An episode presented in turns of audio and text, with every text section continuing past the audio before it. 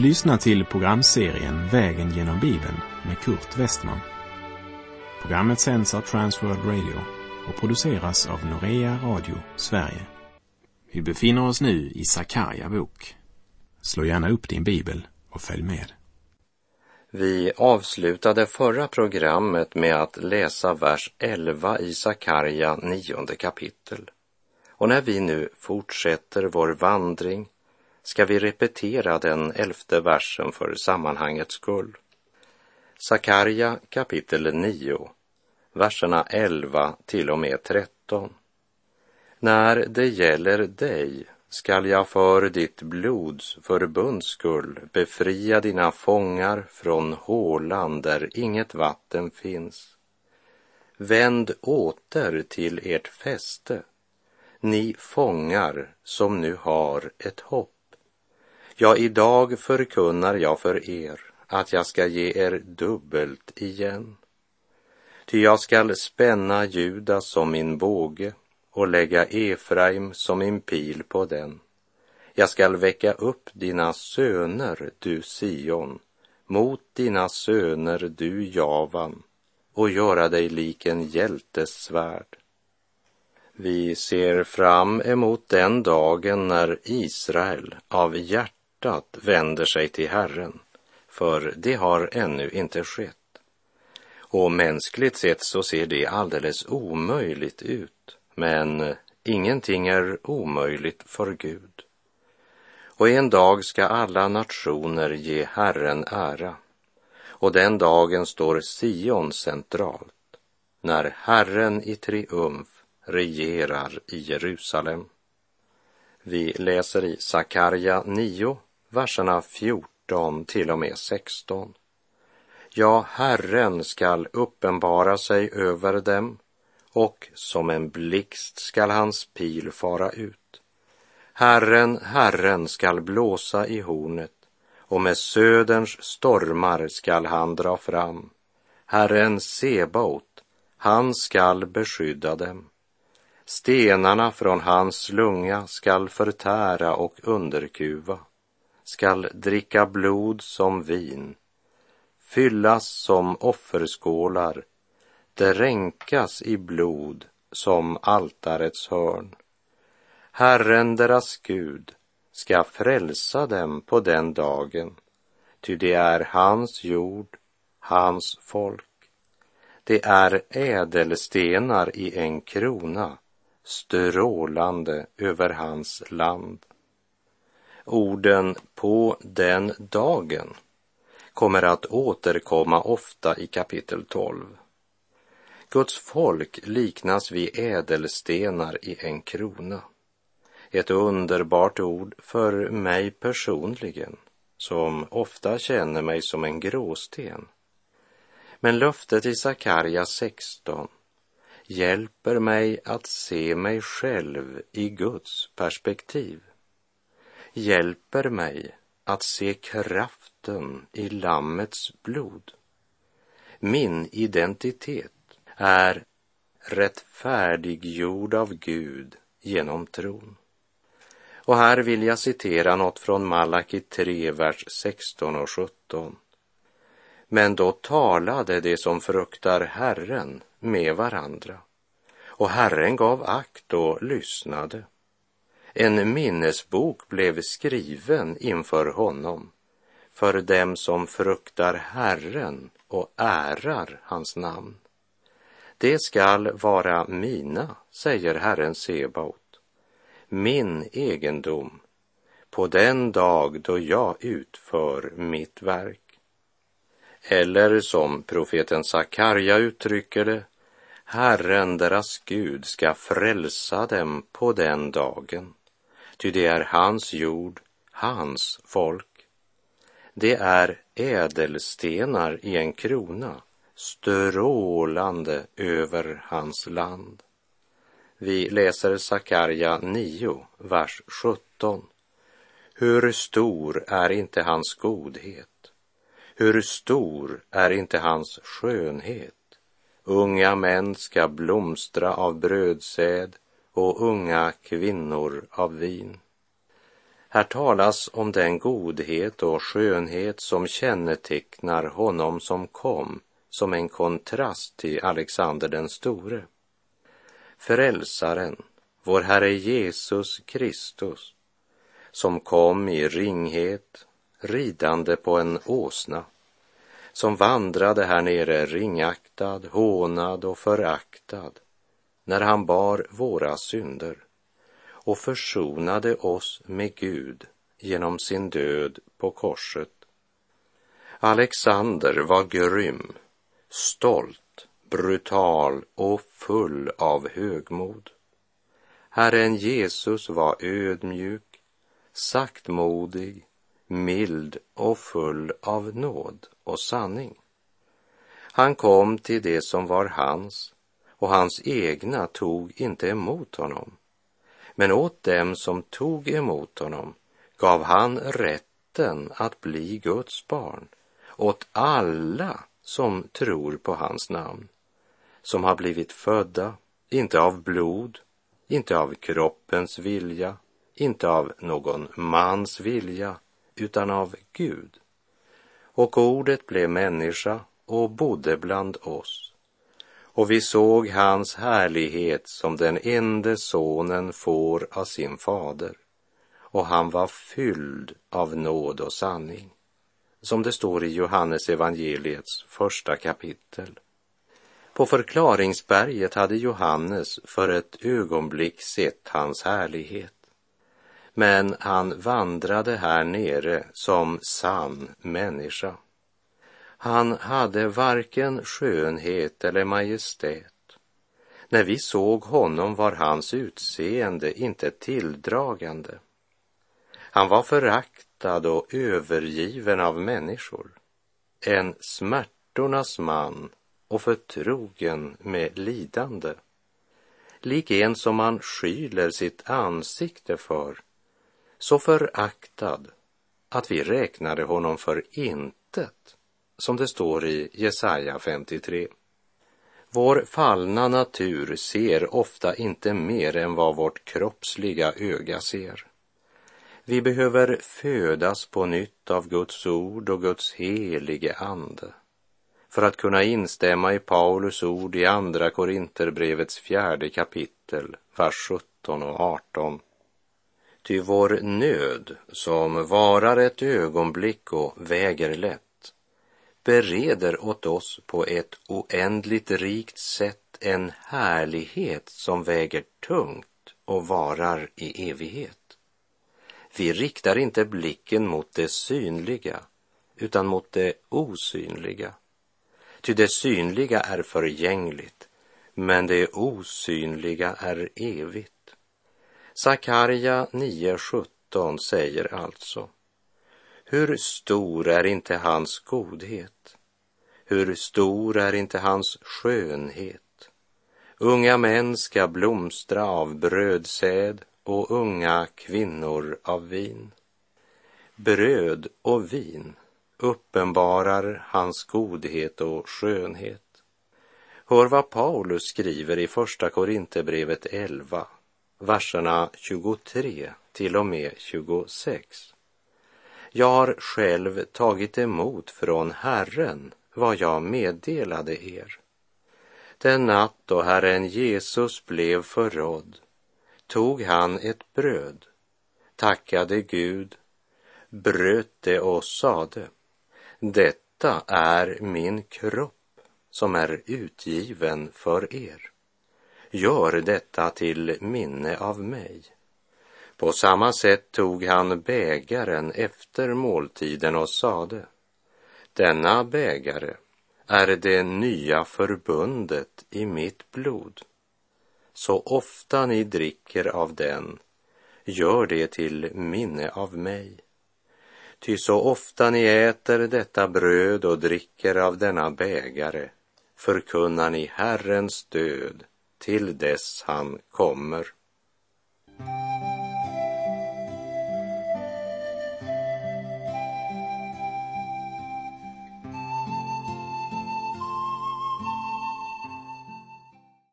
I kapitel 9 så hörde vi om den framtida förlossningen för både Nordriket och Sydriket i Israel och hur Gud ska använda dem i framtiden som sina redskap, som Herrens präster för alla hedna nationer i världen. Kapitel 10 fortsätter och talar om Herrens omsorg för sitt folk.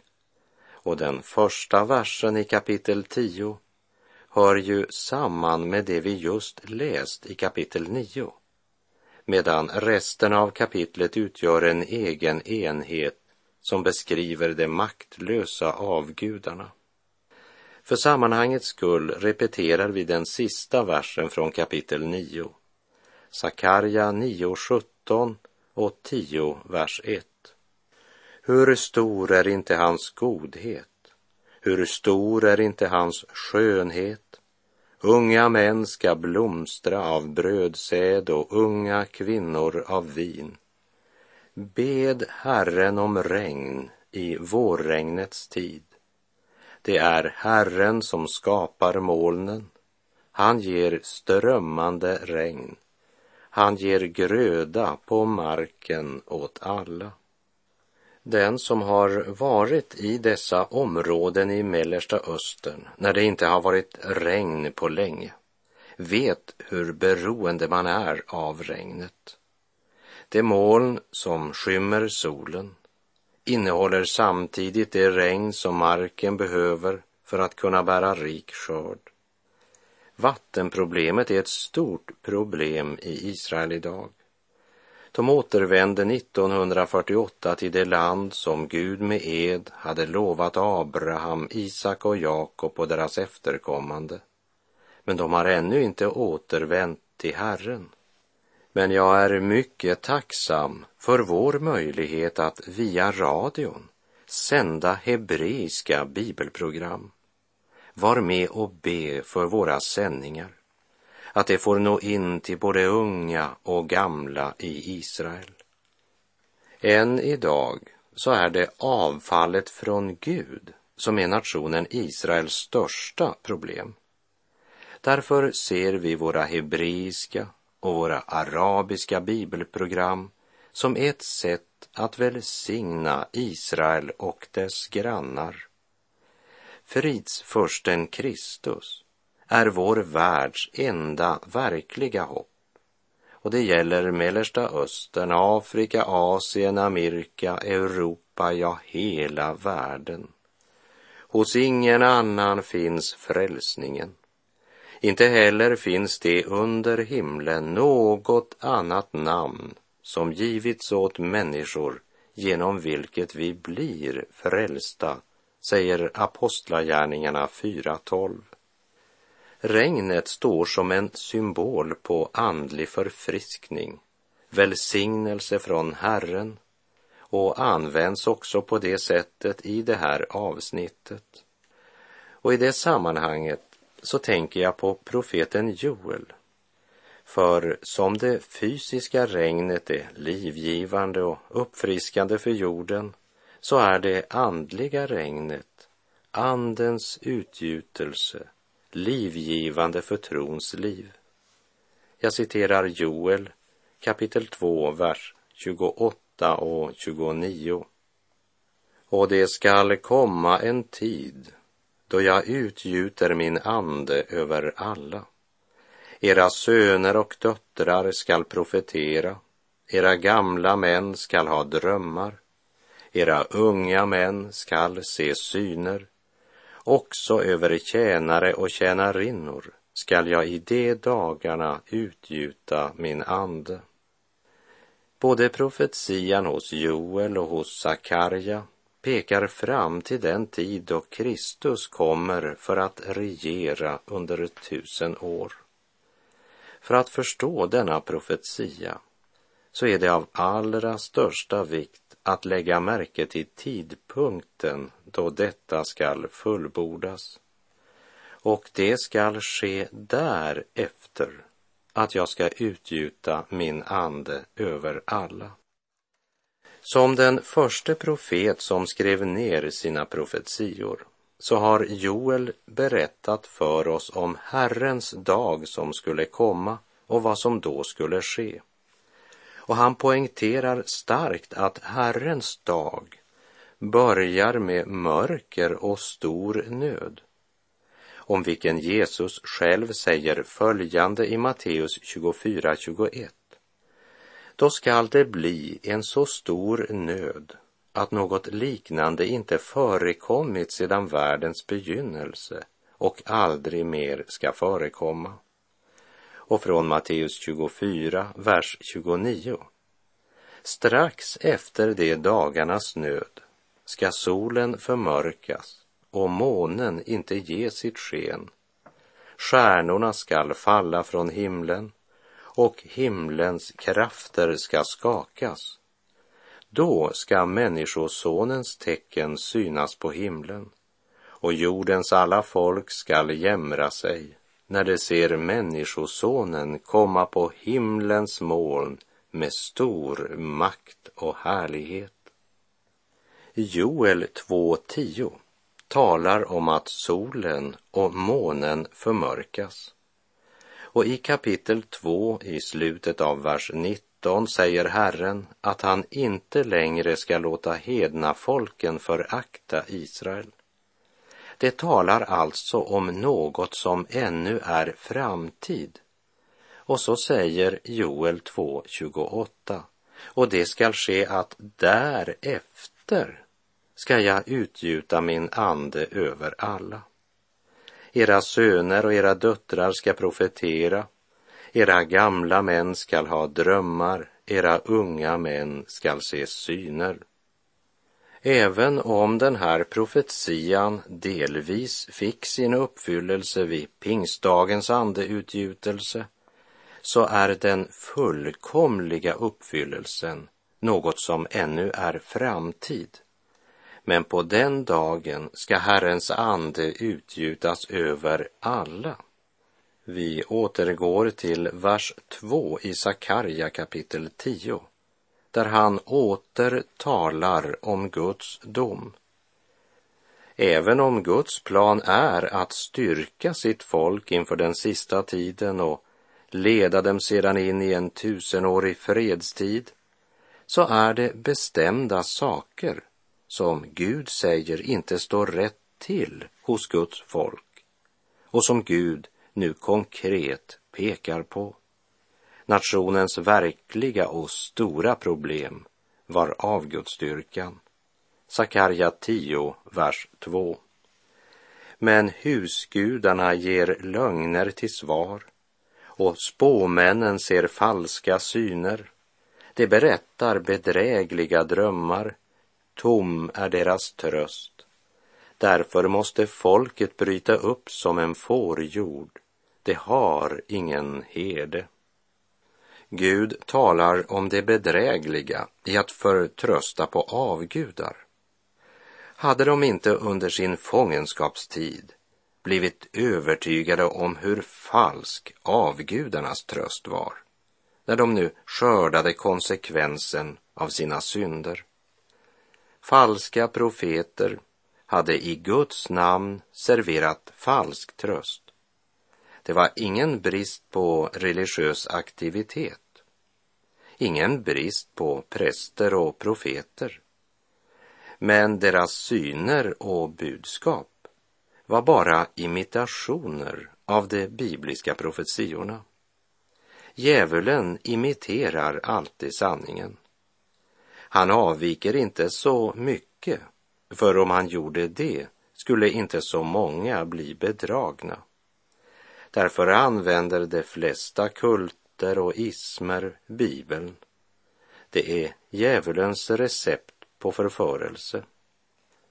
Efter fångenskapen borde ju folket ha insett att avfallets profeter som serverade sin falska tröst och sitt falska hopp hade totalt slagit fel, medan Guds ord hade fullbordats.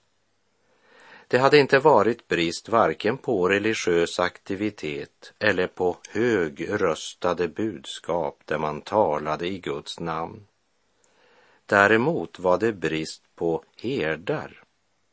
Därför måste folket bryta upp som en fårjord. Det har ingen herde. Det har ingen herde. Vilken tragedi för ett folk. I Matteus 9, vers 36 står det så här om Jesus. När han såg folkskarorna förbarmade han sig över dem eftersom de var rivna och slagna som får utan herde. Och genom profeten Jeremia ropade Herren i Jeremia 23.10. Ty både profeter och präster är gudlösa. Även inne i mitt hus har jag mött deras ondska, säger Herren. Även präster och profeter är gudlösa. Det handlar om ett totalt moraliskt förfall. Och i Jeremia 50 vers 6 säger Herren. Mitt folk var förlorade får.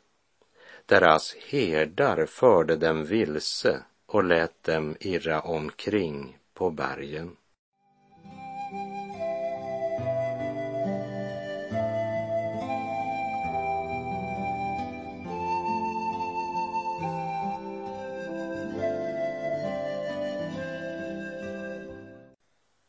Överallt där Guds ord förkunnas står Satan vid frontlinjen för att angripa, för att ta modet från Herrens tjänare såväl som från alla dem som i sanning är Jesu efterföljare. Och jag är övertygad om att mycket av det jag mött i mitt liv de sista åren, det har att göra med vårt bibelprogram på radion. Jag måste erkänna att jag har varit på väg att ge upp mer än en gång när livets stormar rasat som hårdast. Därför ber jag dig som lyssnar att komma ihåg min familj och även mig i era förböner. Och låt oss i allt som möter komma ihåg att den ande som Gud har gett oss gör oss inte modlösa utan är kraftens, kärlekens och självbehärskningens ande. Eller som Hebreerbrevets författare uttrycker det i början av Hebreerbrevets tolfte kapitel. När vi alltså har en så stor sky av vittnen omkring oss, låt oss då lägga bort allt som tynger och särskilt synden som snärjer oss så hårt och löpa uthålligt i det lopp som vi har framför oss. Och låt oss ha blicken fäst vid Jesus, trons upphovsman och fullkomnare, som istället för den glädje som låg framför honom utstod korsets lidande utan att bry sig om skammen och som nu sitter på högra sidan om Guds tron. Tänk på honom som måste uthärda sådan fiendskap från syndare. Annars tröttnar ni och tappar modet. Låt oss bli Kristusfokuserade, inte Satanfokuserade. Vi ska inte vara så upptagna av att driva ut demoner som av att vittna om Kristus. Verkligen så ut evangeliets budskap förkunna lammet och blodet, så ska nog demonerna vika. Du kanske minns Jesu liknelse i Lukas elfte kapitel där Jesus säger så här. När en oren ande farit ut ur en människa vandrar han genom ökentrakter för att leta efter en viloplats. Men om han inte finner någon tänker han, jag vill vända tillbaka till mitt hus som jag lämnade.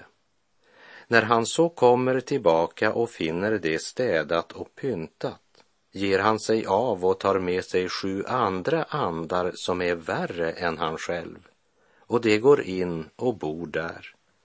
För den människan blir det sista värre än det första.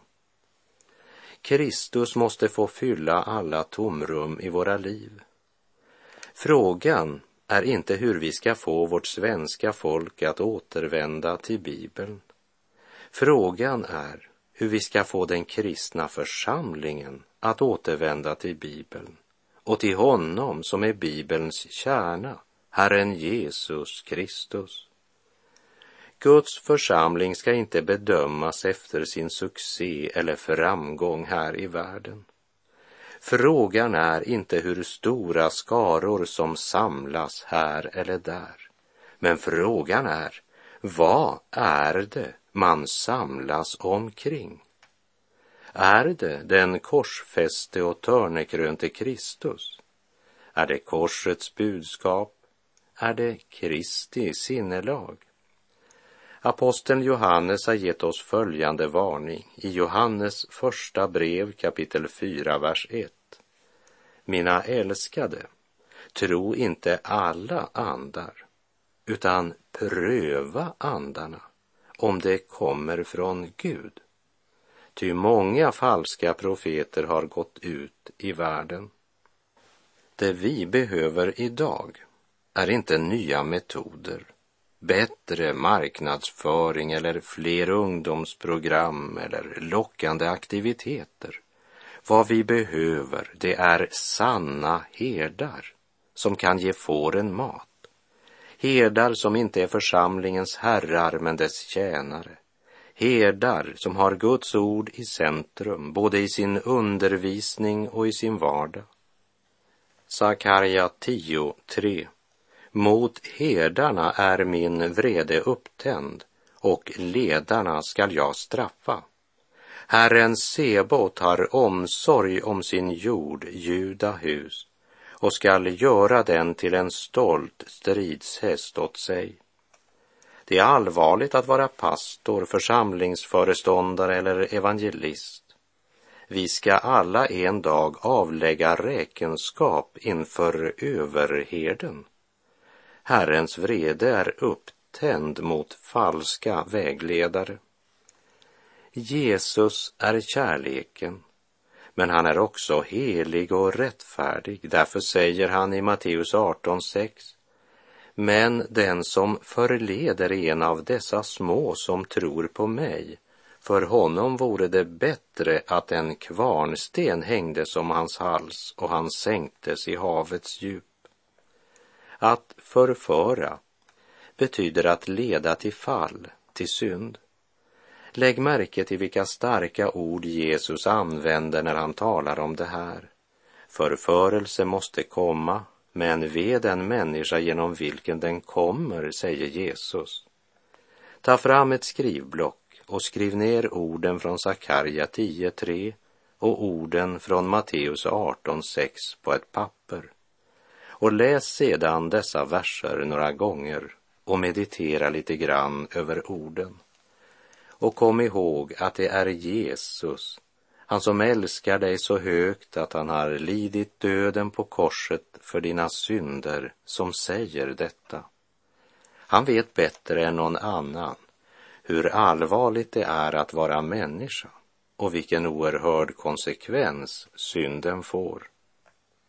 Romarbrevet 6.23 säger, ty syndens lön är döden, men Guds gåva är evigt liv i Kristus Jesus vår Herre. Så samlas till sist allt i denna enda fråga för dig. Vad väljer du?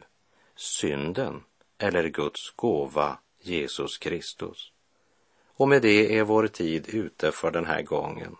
Herren vare med dig Må hans välsignelse vila över dig. Gud är god. Du har lyssnat till programserien Vägen genom Bibeln med Kurt Westman som sänds av Transworld Radio. Programserien är producerad av Norea Radio Sverige. Om du önskar mer information om vårt radiomissionsarbete så skriv till Norea Radio Sverige, box 3419 103 68 Stockholm